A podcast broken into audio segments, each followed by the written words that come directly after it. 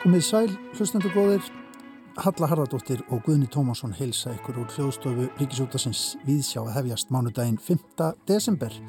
Í þætti dagsins er vinsalasti ferðabókahöfundur 19. aldar Þórumóður Torfarsson og bóksala og bókasöfn.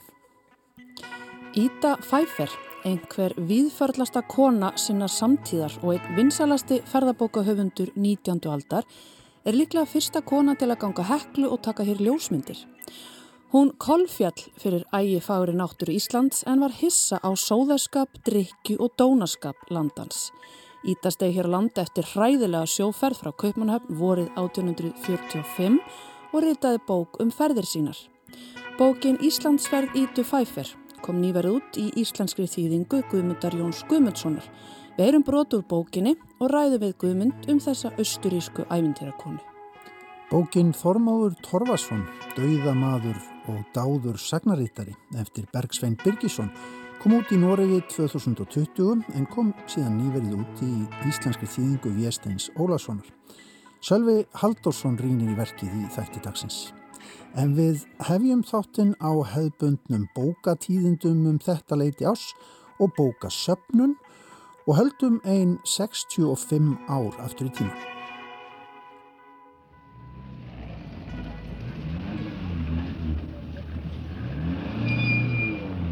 Jólaljósin eru komin í bæin, lingsvegar bærast fyrir vindi og borgin ángar. Og borgin ymur af fólki, fólki sem er að flýta sér af því að jólin eru að koma og af því að það er ekki enþá búið að kaupa allar jólækjafellar.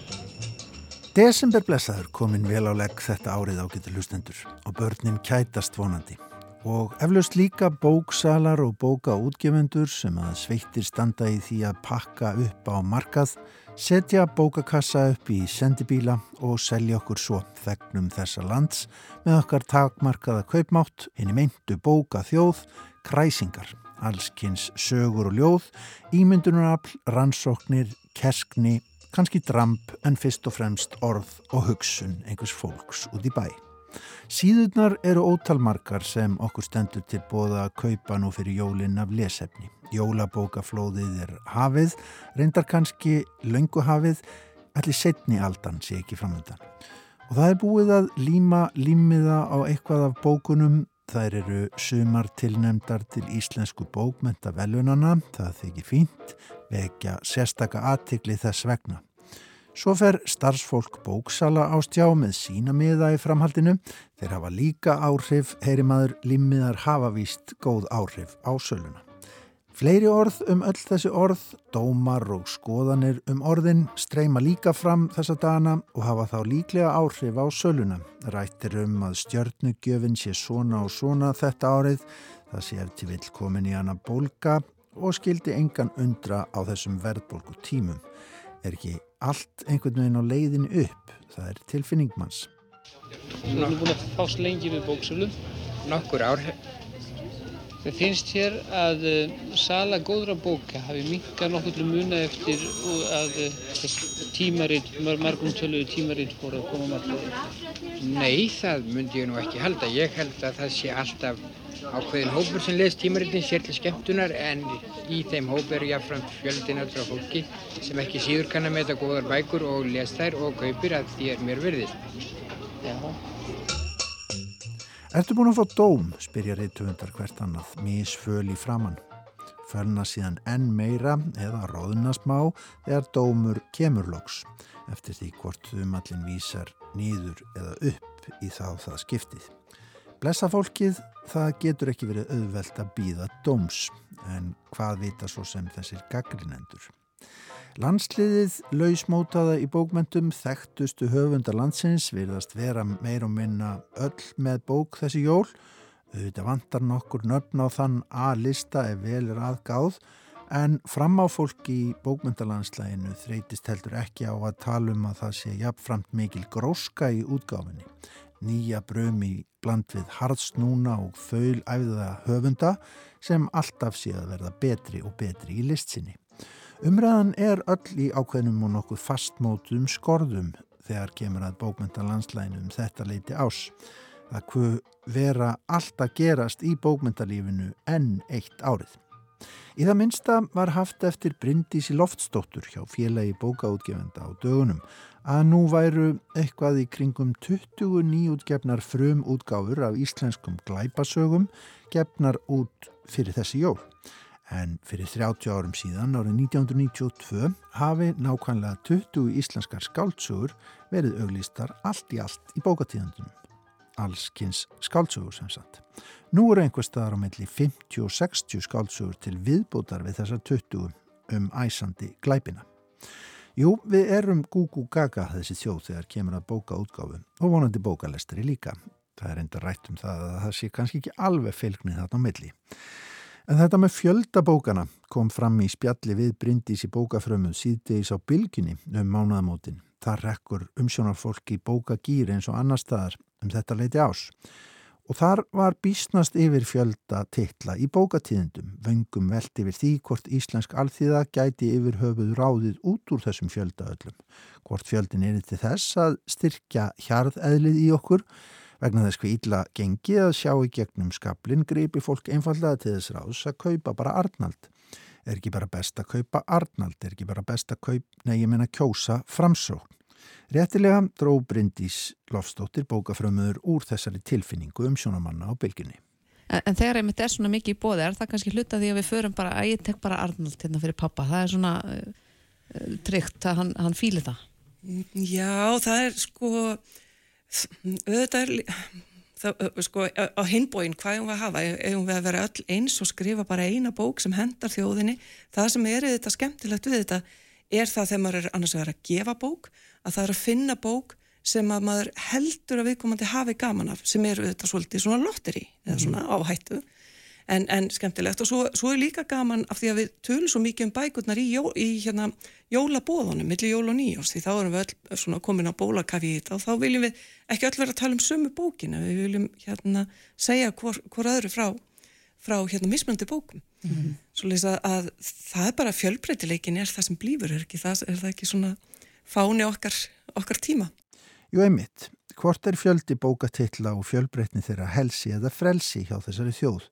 Fjölbreytileikin er fáni okkar tíma, segir Bryndís réttilega, eða við vonum það að minnstakosti, og auðvitað erum við öll mismunandi. Sum okkar að drukna í bókum, ímist þöllesnum eða ólasnum, á meðan önnur vilja helst engar bækurinn á heimilið, reynsa allt út í hyrðin góða og ráðast með kúpinni og bókahellur, aldrei meir bók inn fyrir mínar dyr.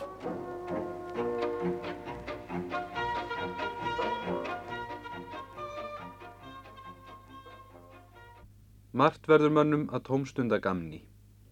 En vart ekki ofmæli að einn merkust tómstundaiðja sé söpnun í miskonar. Menn geta tekið upp á að sapna ólíklegustu hlutum. Sumir sapna frímerkjum, aðrir eldspýtnastokkum og lesið hef ég um einhverja mektuga frú í einhverju landi sem sapnar bollapörum. Fáir sapnarar skipa þó virðulegri sess en þeir sem sapna bókum og bókasafnarar gegn alveg sérstöku menningarhlutverki. Þeir bjarga frá glötun og tortímingu bókum og prentuðu máli sem ellakinni forgorðum að fara. Þau munu ófá hverinn í veröldinni sem aðeins er varðveitt af eitt eintak og þá má yfirleitt þakka einhverjum safnara grúskurum að þau eru þó til. Ef bókmentir eru heimild um það fyrirbæri sem kallast mannleg hugsun Hyggi að fáir beri meiri virðing fyrir því sama fyrir bæri en mennirnir sem týna saman, snjáð hver og hlúa að þeim, binda og varðveita. Þannig erum við komin á bólakafi sapn Ríkisútasins. Hér áðan áðurnum við hoppuðum inn á bylgina greipum við í smá jólabóka stemmingu úr þættinum um helgina frá árunnu 1957. Þar sem gestur Þorgrímsson var á göngu um Reykjavík fyrir jólinn og heimsótti þar bókabúðuna bókluðuna. En nú erum við komin inn í annan þátt úr safninu, úr Ímsum áttum frá 1959, þar sem Sveitn Skorri Höskuldsson rætti við Þorsten Þorstensson, fyrirverandi síslumann í Búðardal, um stort og mikill bókasafn hans. Safn hans er eitthvert merkast í enga eign á Íslandi. Bindatölu, hvaðst hann ekki vita, en það fyllir tvö herbergi og síslumadur segir hillumetra vera um 200. Grípum aðeins niður í spjall þeirra Sveins Skorra og Þorstins Þorstenssonar. Veltum kannski fyrir okkur um leið umgengni okkar sjálfra um bækur nú þegar við erum að drukna í fjölbreytileikanum og getum ómögulega ákveðið hvað á að fara í jólapakkan.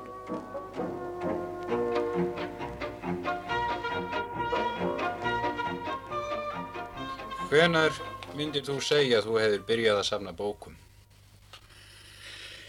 Ég byrjaði að safna þegar ég var í uh, mentaskólanum upp úr uh, aldamótonum var þá uppbóðum og en var peningalítill og uh, reyðist í það að kaupa lukkupakka sem var svona tíu öyra og, og það um vel upp í 20 öyra Nú í þessu bökkum gata að komi fyrir að væri nokkuð af sæmilegu og of þessum verð var dald í Aha. og það var það vetlunin til þess að ná í með meira bókum að selja þær sem þar voru og að byrja sattur að ná í pakka og láta það ganga þannig. Hverjir gengust fyrir söl á lukkupökkum? Og það voru einhver sérstaklega þeir komið fram bara á uppbóðinu þá þóttu þá heldur lélegri í bækur sem menn nefnt ekki vera að selja einar í, í uh, númeri og slófuð þeim saman í fleiri númir og vissi svo ekki almenlega hver, hver titil var á þeim svo þetta var keift í hálgjali blinni annars sem maður væri vissum hvað það væri. Aha.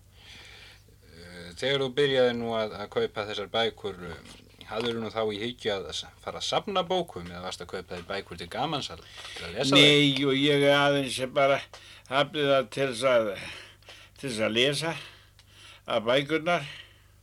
Þetta var svo lítið sem ég gæti þá keift og, og húsrúm og, og skápa hafði ég ekki heldur nefnum svo lítið. Svo ég var snemma Uh, töluvert uh, að grúska í sagfræði og það var bækur viðvíkjandi Íslandsögu sem ég uh, fór, fór að sapna dáliti saman. Fyrst? Já, fyrst.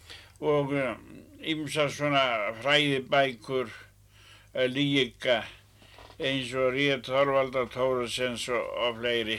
Aha. Nú en þegar þú varst nú búin að ljúka þínu lagaprófi og gerðist nú embættismadur, þá nú ringast fjárhagurinn. Já, hann ringaðast mikið nokkuð.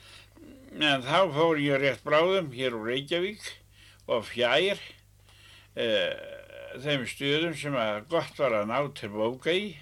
Var þér nú sæmilega til fanga um bækur út hjá landi? Og jæja, það gekk svona dálítið erfitt. Þetta væri víða í, í, í bygglunum, ég víða lítið af bókum. Man náði svona eina, eina bók. Svo var einstakar bæir sem hefðu dálítið aftur dálta bókum sem maður reyndi að fá, náðu ekki. Ah. Og margir sem voru fúsir á það áliti ég að vera hildusamur með þessa bækur og vildi þó gerna láta þær koma það sem vel færum þær. Svo þess vegna fekk ég dálítið af bókum.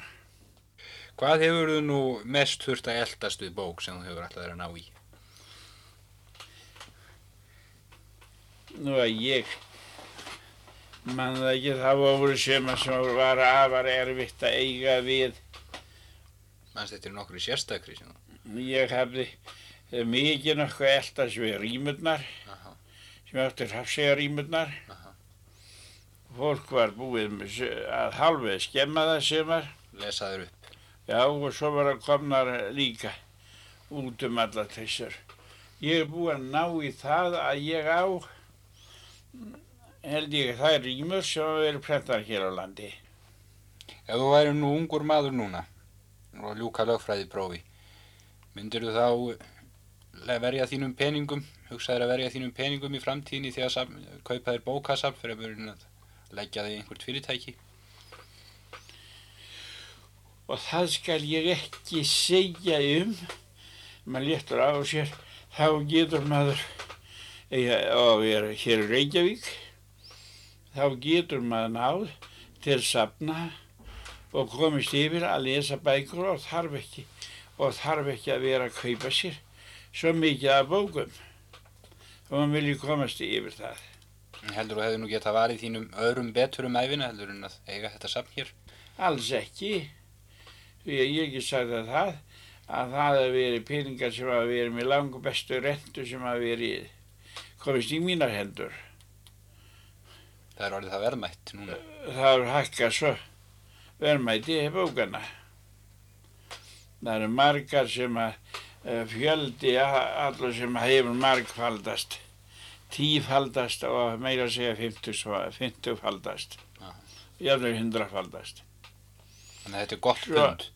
Svo að það er eiginlega hvort ekki einu, maður geta að til skemmtun og, og ávaksta sitt bund með þessu fríðlega. Og geta bjarga mörgum, mörgum hverum frá skemmtum og eðileggingu. Já, náttúrulega ef maður fyrir að safna jákafa vittleysu og verja óhemja peningum í það, þá má allavega mikið gera. Það verður alltaf, það verður að vera hóf í hverju hlut.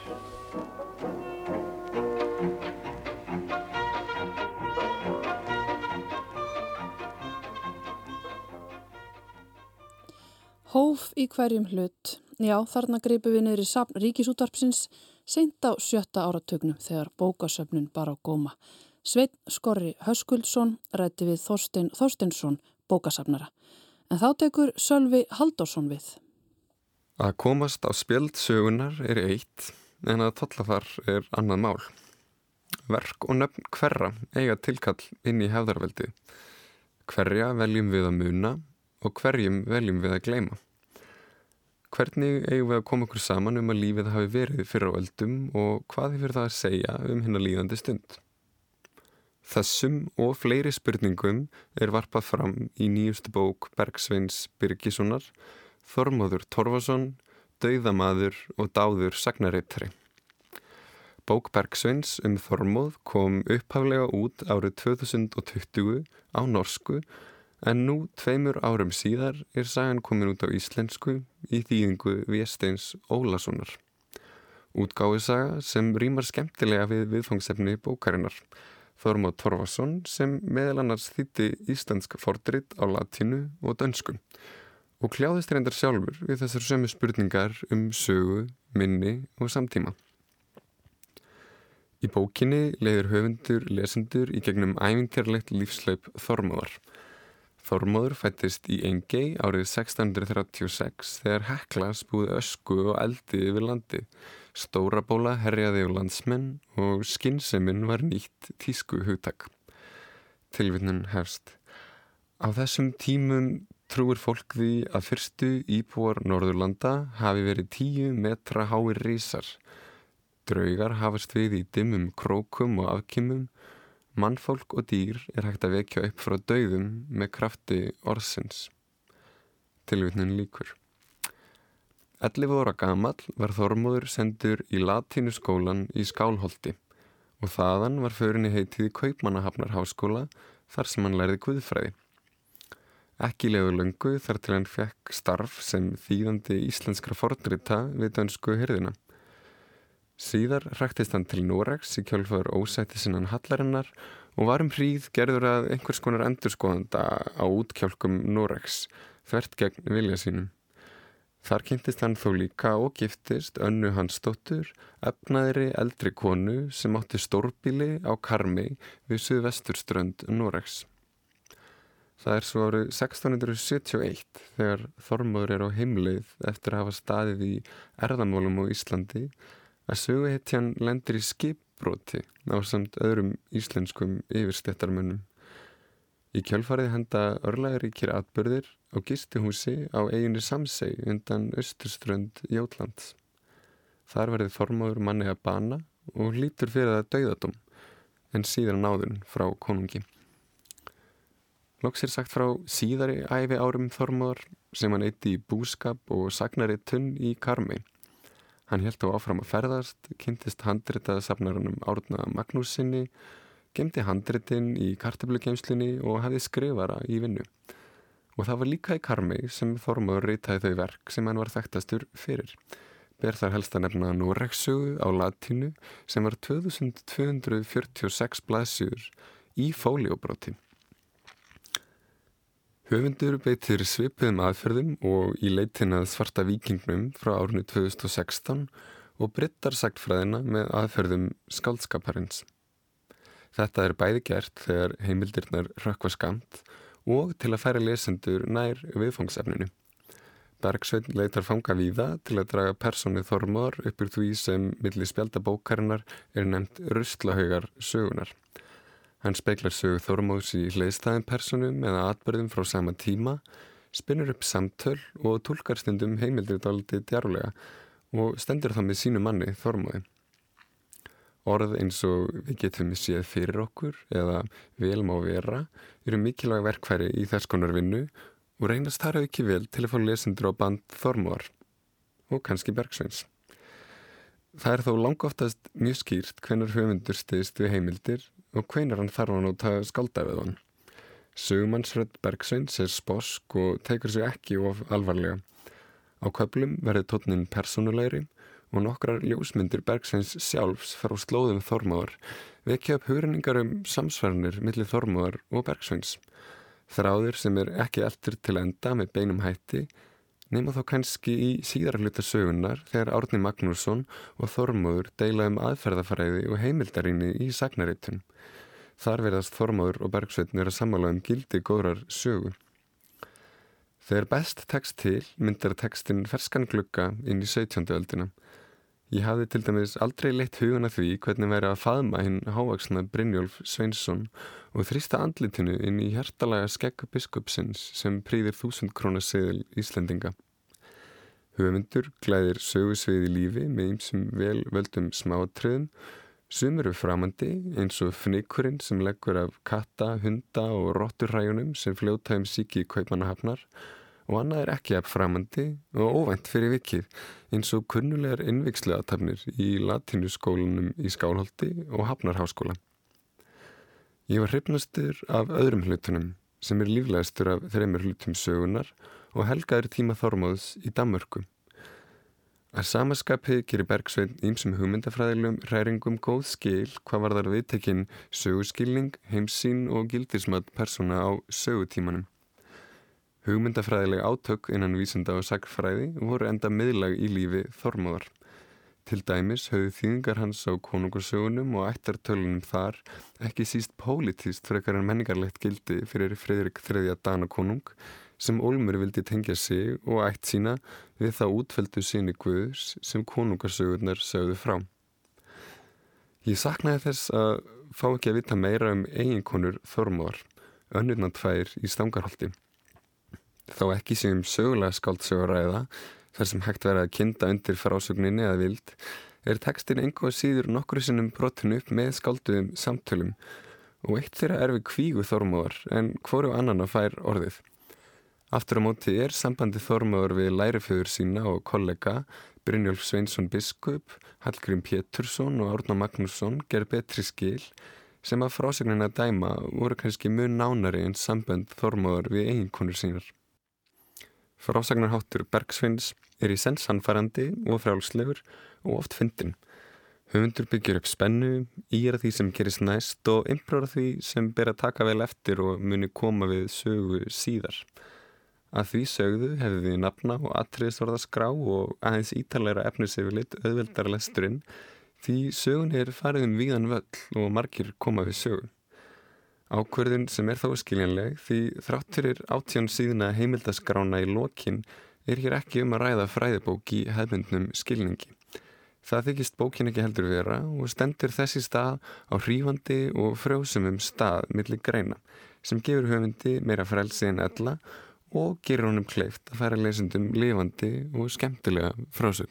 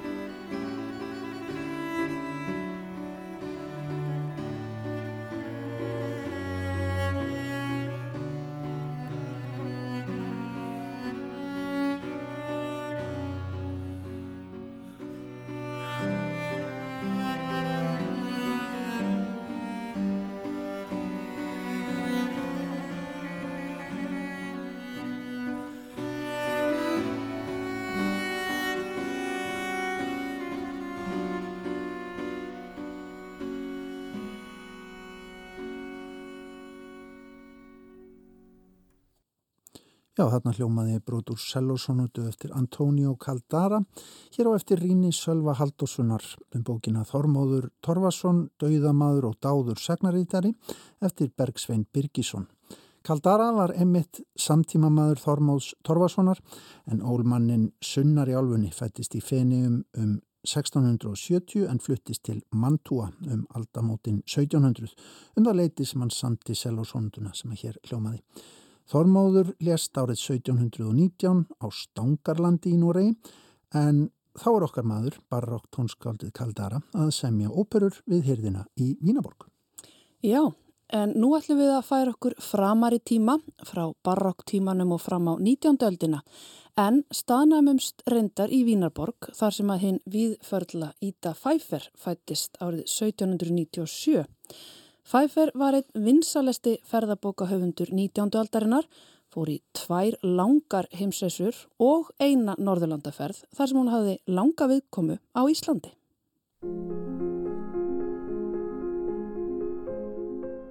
Vorið 1845 steg hér á land feiki vinsæl ferðabókahöfundur. Þetta var Íta Pfeiffer hún var eina ferð með mikla ríðu eftir hræðilega sjóferð frá Kaupmannahöfn. Pfeiffer hafði háar hugmyndir um ægifegur íslenskrar náttúru og varð ekki fyrir vonbreiði með hanna. En óættir að segja að millistjættar frúin Östuríska hafi fengið vægt menningarsjokk við að kynnast siðum og vennjum Íslandinga. Pfeiffer gaf út bók um ferðir sínar hinga til lands, Nordland fart, æni ræsinach Skandinavien und Ísland, sem kom út í íslenskri þýðingu Guðmundar Jóns Guðmundssonar nú í haust. Guðmundur var gestuminn hér í hljóðstofu en heyrum brotur ferðarsögunni áðurum við förum yfir í þáðspjall.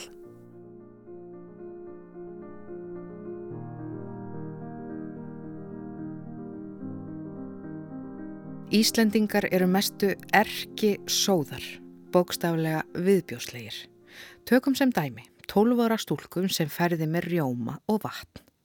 Að mér að sjáandi slekti hún með tungunni rjóman af tappanum úr rjómaflöskunni og ætlaði síðan að setja hann aftur í flöskuna. Stundum satt hún hjá mér í svo sem eins og hálf tíma og þá kom fyrir að óværan sem þreifst í hárin á henni gerðist full aðgangshörð. Þá þreyfaði hún um höfuðið þanga til hún náði lúsinni, horði á hana svip breyða laus og hendenni svo lifandi á jörðina. Skára er að gera eins og grænlendingarnir. Þeir geta lísnar og þá er að minnstakosti engin hætta á að þær komist yfir á aðra. Yfir höfuð hafa Íslandingarnir ekki nokkra tilfinningu eða skilning á almennu velsæmi. Ef ég ætti að segja frá öllum viðbjóðnum sem að ég varð vittni að, myndi það fylla margar blaðsýður. Ég skil ekki með nokkru móti að þessi þjóð hafi eitthvað tíma verið höfð í hávegum fyrir hugrekki og menningu.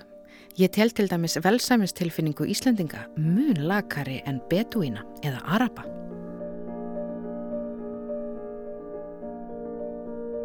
Hver var Íta Pfeiffer? Íta Pfeiffer var stórmerkileg kona á 19. öldinni. Hún er uppi á fyrir hluta 19. aldar, þetta er uh, rétt, um, rétt fyrir 1860. Uh, hún er austuríkismæður og hérna uh, fekk svona nokkuð óhefbundið uppeldi því að hún var ein af, af, af í, í hópi bræðra og klætti sig sagt, í strákafött fram eftir öllum aldri og slóst við bræður sína vist eins og enginn væri morgundagurinn og þetta átt nú öruglega eftir að hafa áhrif á, á sagt, hennar framgöngu því að hún hérna eins og ég held að Þorvaldur Tórótt sem komist þannig að orði að hún hafi verið Karlmanns ígildi og, og hérna og haft hug og dug eins og, eins og Karlmaður. Nú það var líka eins gott því að sagt, hún náttúrulega átti svona tiltölulega venjulega æfi framanar, hún gekk að eiga lögfræðing, nokkuð eldri en, en hún var, missir hann þegar hún er já, á 50 aldri og þá leggst hún í ferðalög, þá eru sinnirennarordnir uh, upp, uppkomnir og þá leggst hún í ferðalög og fyrsta ferðin þá segist hún alltaf hitta vinkonu sína í Istanbul en það var nú lítið úr því því að hún fór beinalega til Sýrlands og, og hérna og ferðaðist um Sýrland og landið Helga og Egiptaland og, og víðar. og síðan hafði hún það sem, sem reglus, hún skrifaði ferðabækur um uh, sínar ferðir og þær voru allar saman mjög vinsælar, þær seldust í stórum upplöfum og svo notaði hún peningana til að fara í næstu ferð. Einmitt. Og afraksturinn af þessari ferð til hérna miðaustulanda að það er svo ferðin til Íslands. Mm -hmm. Hún kallar þetta reynda Norðurlanda ferð en eh, markmið var fyrst og fremst að koma til Íslands. Hún sapnar fyrir þessari ferð. Er hún, sagt, úr hvaða umhverju kemur hún? Er hún ekki efristjættakona? Hún er svona millistjættakona. Mm. Hún er svona millistjættakona. Hún, hún, hún að vísu fekk, fekk góðan, góðan móðurarf en, en það dugði náttúrulega ekki til svona uh, ferðalaga. Nei. Og það sem er alltaf merkilegt við þessi ferðalög hjá henni er það að hún svona einlega ferðast eins og, eins og svona budget ferðalangur uh, á, í nútímanum. Ummitt. Uh, hérna á þessum tíma þá voru svona ferðalög, þetta var ekki að ferða á, á, á ekki nefna fyrir auðkífinga eða, eða aðalsmenn sem voru þá að vegum einhverja stopnana, og þegar Guy Mard, að því hann kemur nú við sögu hjá, hjá Ítu mm -hmm. í bókinni, þegar hann er hérna sko þá er hann með heilan, heilan, heilan, heilan leiðangur með sér sko. Já, það voru alltaf aðalsmenn sem voru hlutu partur af einhverjum klúpum og svona einmitt. Já, nákvæmlega. Já. En hún er það ekki, hún fer einn, hún kemur hingað einn á báti og, og ferðast um einn með, með sínum leðsögumanni. Einmitt, og blandar geði við alls konar fólk. Hún er nú hjá okkur efrist þetta fólki að hann í Hafnafjörði þegar hún kemur. Já, Knútsson, já, já, kaupmaður, hann er, hann er svona einn af, einn af ríkari kaupmannum landsins, jú, jú, hún er, hún, en hún er þar ekki nema, nema dagstund, sko, svo mm -hmm. hýtur hún til Reykjavíkur. Mm -hmm.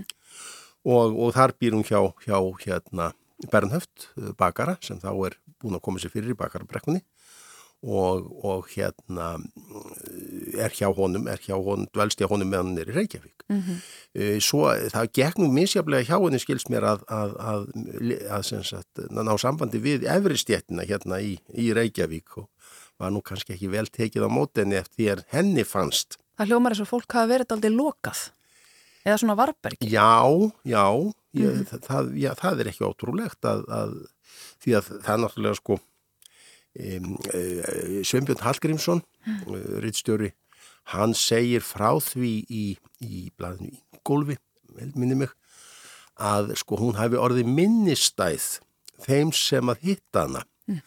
hvað það þýðir veit maður nú ekki alveg getur nú, hægt að leggja ímsa merking, merkingu í það Já, einmitt kannski fyrir að vera kona, kannski fyrir að vera sérstök hvað vitum við? Já, hvað vitum við, það er, það er nú málið En svo ferðast hún vitt og breytt og, vitt, og gistir einmitt í kirkjum og kótbílum. Já, aðalega kirkjum, hún reyndi nú að komast hjá því að gista í kótonum út af sóðaskapnum. Það eru svakalega lýsingar. Alveg rosalegar og ég held að, held að sko, ég held að þetta sé alveg hárrétt hjá henni. Já. Ég hef grunnum það að, að sé ekki, hún sé ekkert að íkja. Hún leggur einmitt mikið upp úr því að sko sannfara lesandum það að hún sé ekki Hún, lí, hún lígur ekki og hún íkjur ekki eins og margir karlmenn verðast gera, segir hún. Já, já, já, já, hún, hún hérna sko, hún er... Sumir ferðalangar eiga til að krytta og íkja en hún gerir það sko ekki.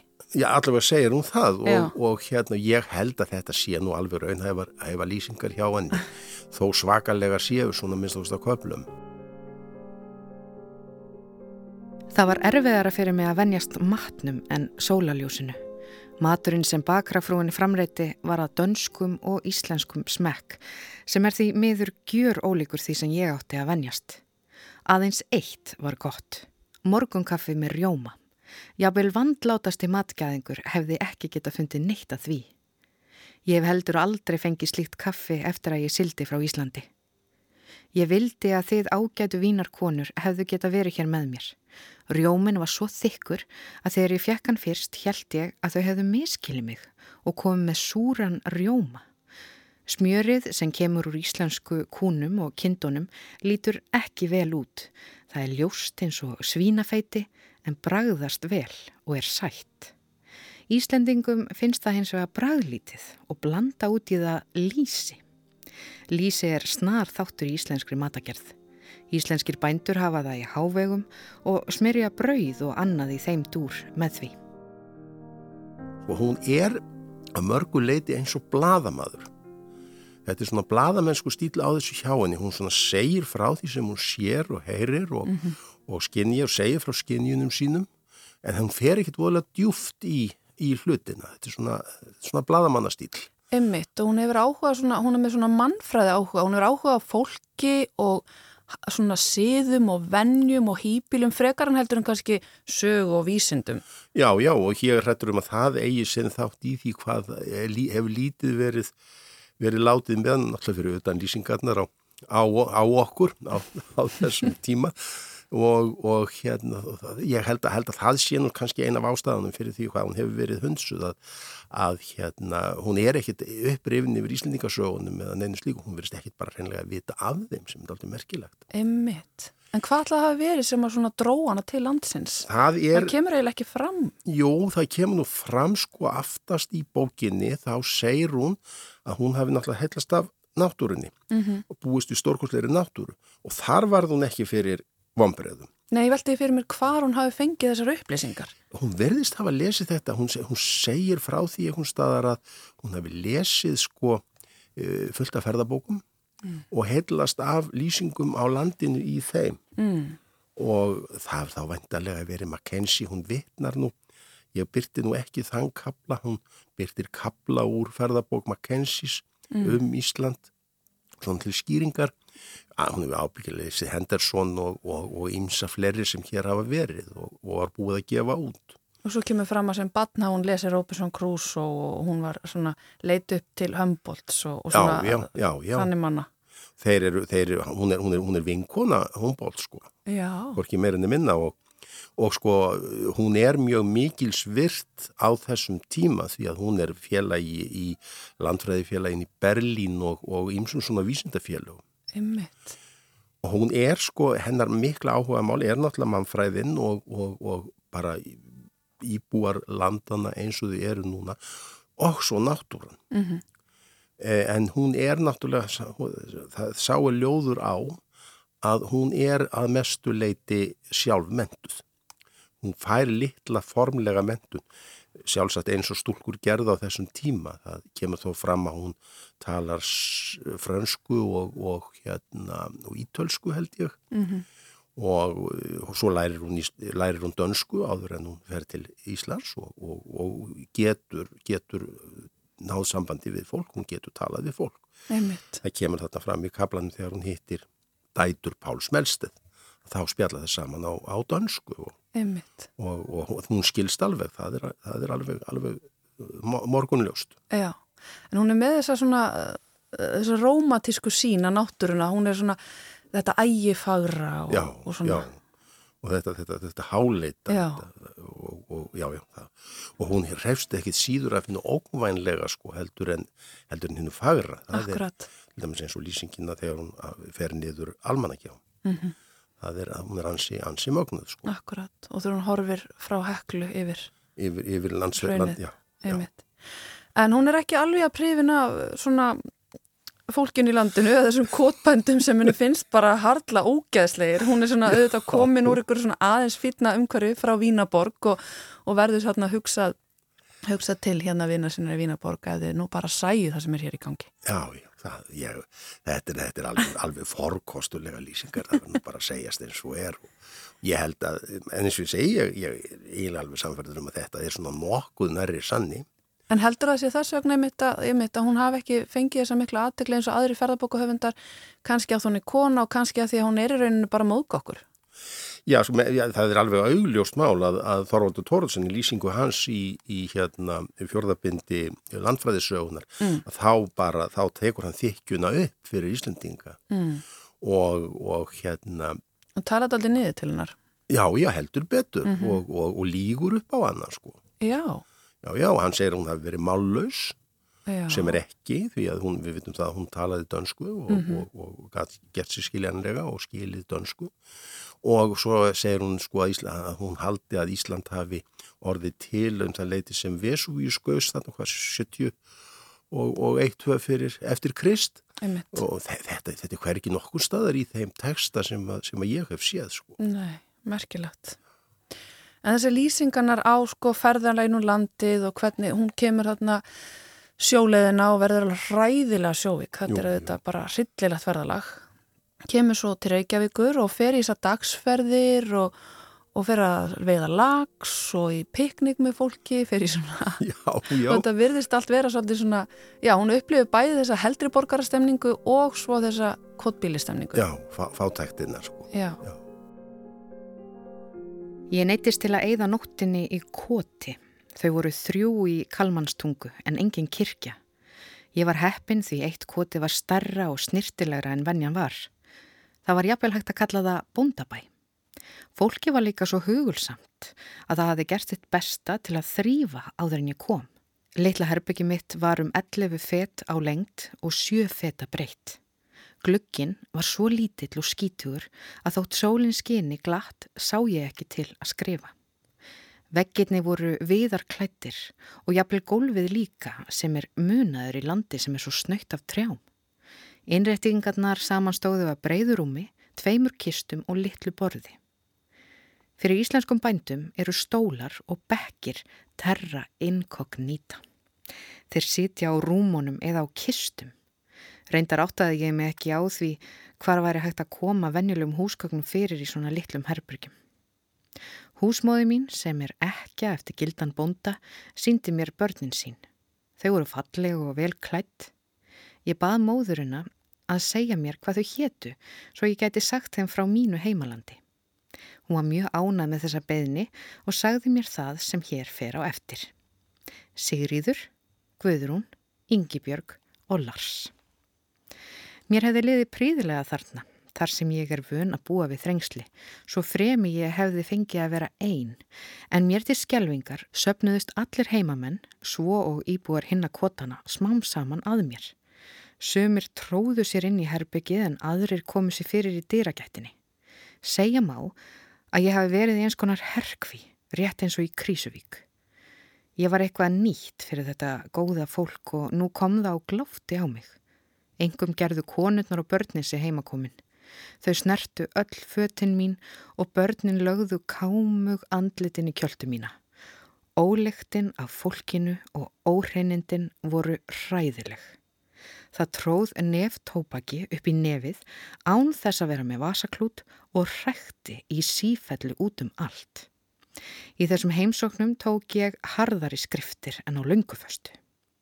Ekki var heldur hjá þeim komist því ekki gæti borða matin sem í bóði var. Matargerðarlist íslenskra bænda samanstendur af litlu öðru en harðfiski og gerjaðri mjölk sem stundum er mánadar gömul. Ör sjaldan gæða þeir sér á sáðunum grjónum og flatbröði sem er bakað úr fínt söksuðum íslenskum mosa. Og svo fer hún, sko, fyrsta ferðinar er um, um Reykjanes, Skagan, mm -hmm. hún fer til, til Krísuvíkur og hún verðist hafa mjög mikinn áhuga á herum og, og öllu sem því við kemur. Það, hún fer líka í borgarferðin til að skoða hverina. Mm -hmm. Og svo náttúrulega þetta stóra markmið að, að skoða heklu og ganga á heklu og og ég rekna nú fastlega með því að, að hún sé fyrsta manneskjan, fyrsta konan sem að hérna gengur á heklu. Ég rekna nú ekki með því að það hafi verið margar sem gerði það áður. Emmitt. Og uh, hún kemur hérna með uh, ljósmyndavél og tegur myndir. Já, það er nefnilega það stórmerkilega við það. Hún lærir að gera svo kalladar dagarótýpur og ég þóri nú ekki að fara út í teknilega legar vangaveltur um það en það er vist, vist meirinn að segja það að, að Þetta er risa vel Þetta hefur verið bísna stórt mm -hmm. uh, breyk því að hún fer með þetta í koforti hún lýsir því eh, til lýsingar á því í bókinni hennar að, að, að hún fer með þetta í koforti og hún hefði sennilega þurft hest undir þetta ef hún hefði alltaf að taka þetta með sér þannig að mm -hmm. ég reikna ekki með því að hún hafi verið með þetta nema hérna í Reykjavík mm -hmm. og hún sem sagt hérna, tekur hér tværmyndir sem við vitum um og þær eru sem sagt við sjáum nokkurt veginn það sem er á annari og það er, er eitt af kvotunum í Reykjavík og hvað er á hinni vitum við, vitum við ekki og þessar myndir eru til 2012 en eru sennilega glataða núna. Það ég hef verið að reyna að hafa upp á þeim og, mm. og mér tókst það ekki allir sem að ég sendi tölvupósta á fólk sem ég taldi að hefði eitthvað, geti eitthvað hjálpað mér og það svaraði bara ekki og ég reyndi að fá þjóðmjörnsafni til að uh, það bara lítinn árangur uh, og svo skilst mér að það sé einhverjir í auðaríkisraðundinu að reyna að hafa upp á þessu núna en En það voru til ekki. 2012? Það voru til 2012, við eigum þessa mynd af þeim. Já, er, já. Þá er byrtist grein í bladi sem heitir Terra Mater og er gefið út í Östuríki og uh, þar, uh, þá hafi fundist hjá afkomendum hennar uh, kassi eða boks með allskins munum sem hún sapnaði á sínum ferðum. Og meðalans þessar tvær, tvær dagarúttípur og það er sem sagt, það er byrkt mynd af þeim í þessu bladi mm -hmm. og þeim er bara raðað sko hóri ofan á aðra og, mm -hmm. og hérna ég er nú alveg samferður um að þessi ljósmyndari sem að tók þessa mynd heitir Dieter Bretsche hann og Östuríkismæður að hann hefur tekið mynd af báðum báðum þessum myndum mm -hmm. hann væri ekki stærfisinu vaksin ef hann hefði ekki gert það og þetta er örgla til í hans myndasafni en hann svaraði mér ekki þegar ég reyndi að hafa upp á honum Þannig að þetta er ráðgata sem á vonandi eftir að leysast. Já, við vonum það, já. En hérna, ef við töljum svona um viðtökurnar á þessari, þessari ferðabókanar, hvernig voru þær? Vegna þess að hún var einn bara mest seldi ferðabókahöfundur Európu á þessum tíma. Já, já, hún er einn af vinsælustu og viðförlustu konum, vinsælustu ferðabókahöfundum og viðförlusta kona á sinni samtíð. Mm. Þýtt á sjö tungumál? Já, Já, já, mm -hmm. og, og, og yfirleitt farin mjög góða dóma, ég, það var tekið fram í, í bóki, bókum mann að, að hún hefði fengið slæma dóma í, á Írlandi, ekki veit ég af hverju, að Írar, Írar, Írum var eitthvað uppsigað. Það var mókast fyrir okkar hönd. Já, allir það ekki bara, þeim hafði ekki fundist þetta viðegandi lýsingar. En að öðru leiti færum bara mjög góða dóma og, og hérna, og það var mikið lesin. Mm -hmm. Og hvað kom til að þú ákvæmst að þýðan? Það var búið að þýða ykkur að glefsur úr henni, eða ekki? Jó, það er Jón Helgarsson, reittstjóri. Hann gefur út lítið hver með uh, völdum köplum og útdrætti úr bókinni 40, 1948 minnir mig og, og hérna svo þýðir hann Guðbrandur Jónsson, hann þýðir uh, Reykjavíku kapla eða hlut af Reykjavíku kaplanum fyrir bókina hérna Glöktur Gessögað. Eh, ég rakst hins vegar á, ég, ég, ég, hérna, ég kaup með stundum tímarið sem heitir Spíkelgi Sýkt og eh, eitt þeirra var um landkönnuði og ferðalanga og þar var grein um kjellinguna og ég fór að, að hérna svona skoða þetta betur og, og sá að þarna var skemmtilegt efni og bara dreif mig og þýtti, þýtti skrutuna.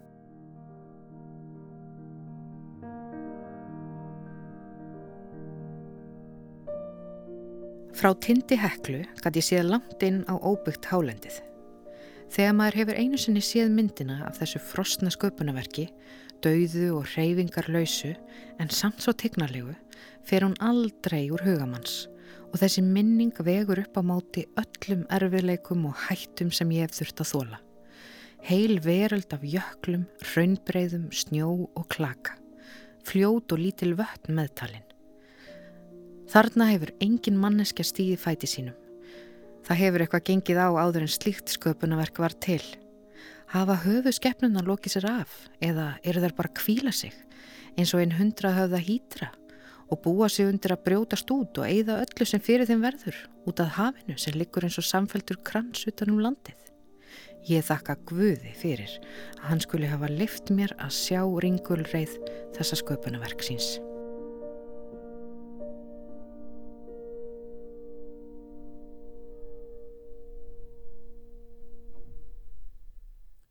Hér heyrðum við brot úr ferðabók Ítu Fæfer, lýsingu hennar á útsýninu frá Heklu tindi. En Íta var sennilega fyrsta konan til að ganga á Heklu. Bókin var rituð 1845 en kom nýverið út í íslenskri þýðingu. Halla rætti við þýðandan Guðmund Jón Guðmundsson en það var Gíja Holmgjörnsdóttir sem ljáði þessari austurísku æfintýra konu rödd sína. Mér heyrðis líka tónlistin vera úr smiðju Philips Glass. Já, og þar með erum við komin að lokum þáttarins í dag. Við minnum á að það er alltaf hægt að nálgast við sjá í spilaranum og helstu hlaðvarpsveitum. Takk fyrir að lusta og verið sæl.